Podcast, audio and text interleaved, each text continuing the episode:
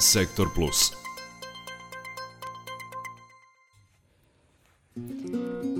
12 sati je 15 minuta, a ovo je i dalje prepodnevni program Radio Novog Sada, zapravo poslednji sat današnje emisije, a u rubrici Sektor Plus e, danas predstavljamo Centar za pomoć žrtvama nasilja Iskra.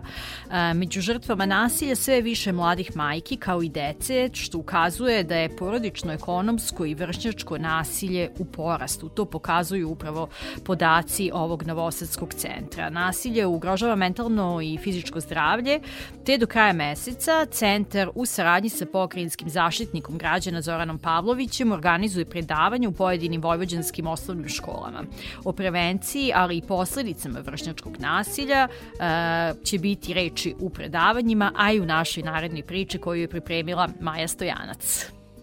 Osim fizičkog, postoje mnogi oblici nasilja, poput psihičkog, emocionalnog i ekonomskog, koji nisu lako prepoznatljivi, naročito u ruralnim sredinama, objašnjava za Radio Novi Sad Milica Stošić iz Centra za pomoć žrtvama nasilja Iskra, koja je i sama bila žrtva zlostavljanja. Žrtva može da bude svako, bez obzira na uzrast i pol, te je najvažnije obrazovati građane, a naročito decu i roditelje, o vidovima nasilja, njegovim posledicama, a pre svega prevenciji, kaže sagovornica, objašnjavajući koja je emisija centra. Pružanje i postica i žrtava nasilja da prijave nasilje, kao i pružanje te emotivne i psihološke pomoći koju pružaju naši psihoterapeuti koja je potpuno besplatna. Naš tim generalno čine mladi ljudi i mi zapravo težimo da stvorimo društvo e, nulte tolerancije na nasilje. Nama se žrtve mogu javiti putem naše Instagram stranice ili putem našeg e, Facebook profila onda ih mi povežemo sa našim psihoterapeutima. Naravno imamo i pravnike u timu, tako da smo tu i za neke pravne savete, ali naravno nije moguće pružanje te neke besplatne pravne pomoći. Eh, ali smo tu da usmerimo žrtve nasilja na postupak i eh, da ohrabrimo žrtve da nam se javi jer nekad žrtve nisu spremne da prijave nasilje uh, i onda nam se mogu javiti pa imamo taj postupak sa našim terapeutima gde će ih oni pripremiti na to i raditi sa njima i ohrabriti ih da prijave nasilje, a naravno ako neko želi da prijavi nasilje opet nam se može javiti jer mi samo čekamo to zeleno svetlo kako bi neko prijave nasilje i da možemo da pomognemo toj osobi da se izbori sa tim. Deca trpe različite oblike nasilja, najčešće kombinaciju fizičkog i psihičkog, objašnjava sagovornica, dodajući da je sve zastupljenije i nasilje na internetu. Zlostavljanje putem digitalnih tehnologija, društvenih mreža i različitih platformi. Najčešće, kaže, reč o uvredljivim porukama i pretnjama. To mi je jedan dečak rekao, a ja verujem da njegovi roditelji kući to ni ne znaju, da postoji na Discordu neka grupa u kojoj oni zakazuju satnice vređanja. I onda oni tako zakažu, dogovore se njih dvojica, na primer, danas u 17 časova se nas dvoje vređamo i onda se deca tako uključe i ostali slušaju, njih dvojica se nekih sat vremena vređaju i to je svima ostalima zanimljivo i tako oni svakog dana imaju te sastanke. Da bi se nasilje izbeglo, najvažnije je odgovarajuće obrazovanje, kaže sagovornica, dodajući da je osim podizanja svesti, cilj predavanja namenjenih deci od 6. do 8. razreda da se ohrabre da prijave zlostavljanje. Naše iskustvo sad upravo na samim tim predavanjima jeste da nam deca prilaze i da nam se javljaju i, i govore da su bili žrtve nasilja, da su prijavili, da su se profesori stvarno zauzeli nastavnici kako god i da je pokrenut određeni postupak. Dosta dece je prilazile kao mi smo to radili radili, mi nismo znali da je to nasilje, tako da je iz te strane jako bitno da, da naučimo decu šta je, šta je nasilje.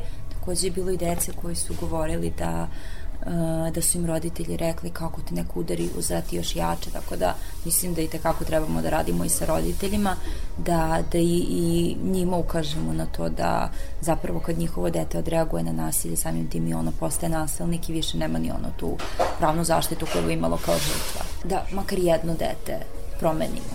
I to je veliki uspeh, mada ja verujem da posle naših predavanja zaista je dosta dece stvorilo drugačiju sliku i, i ima drugačije poglede, zato što deca kao deca nisu znala ni sama da nasilje može biti i samovređanje, za njih je to bilo kao šala. Centar za pomoć žrtvama nasilja Iskra organizuje brojne tribine, te je u planu da jedna od njih bude namenjena roditeljima, najavljuje Milica Stošić.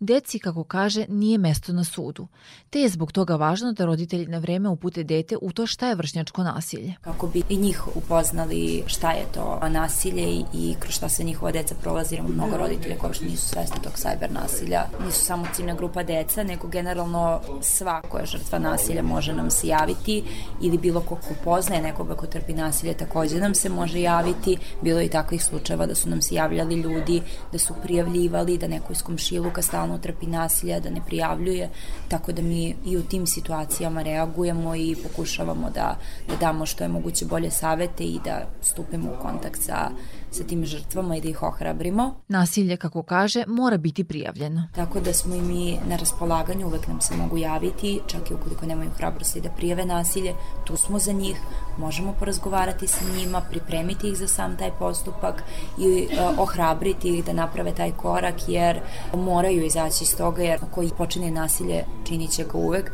Mnogi kažu kao jedan udarac ne predstavlja nasilje, uvek će se ponoviti ko je jednom nekog digao ruku dići će još više puta, tako da e, nasilju se mora stati na put, žrtve nasilja moraju znati da nisu same, ne smiju da se plaše stigmatizacije, jer e, žrtva nasilja ne treba e, da bude stigmatizovana, nego je nasilnik taj koji treba da snosi svu odgovornost. Za nasilje ne postoji nikakvo opravdanje. Zlostavljanje nije samo delo nasilnika, već i okoline, koja osuđujući žrtve često opravdava nasilje, objašnjava Stošić. Time što stigmatizujemo žrtvu mi podržavamo nasilje.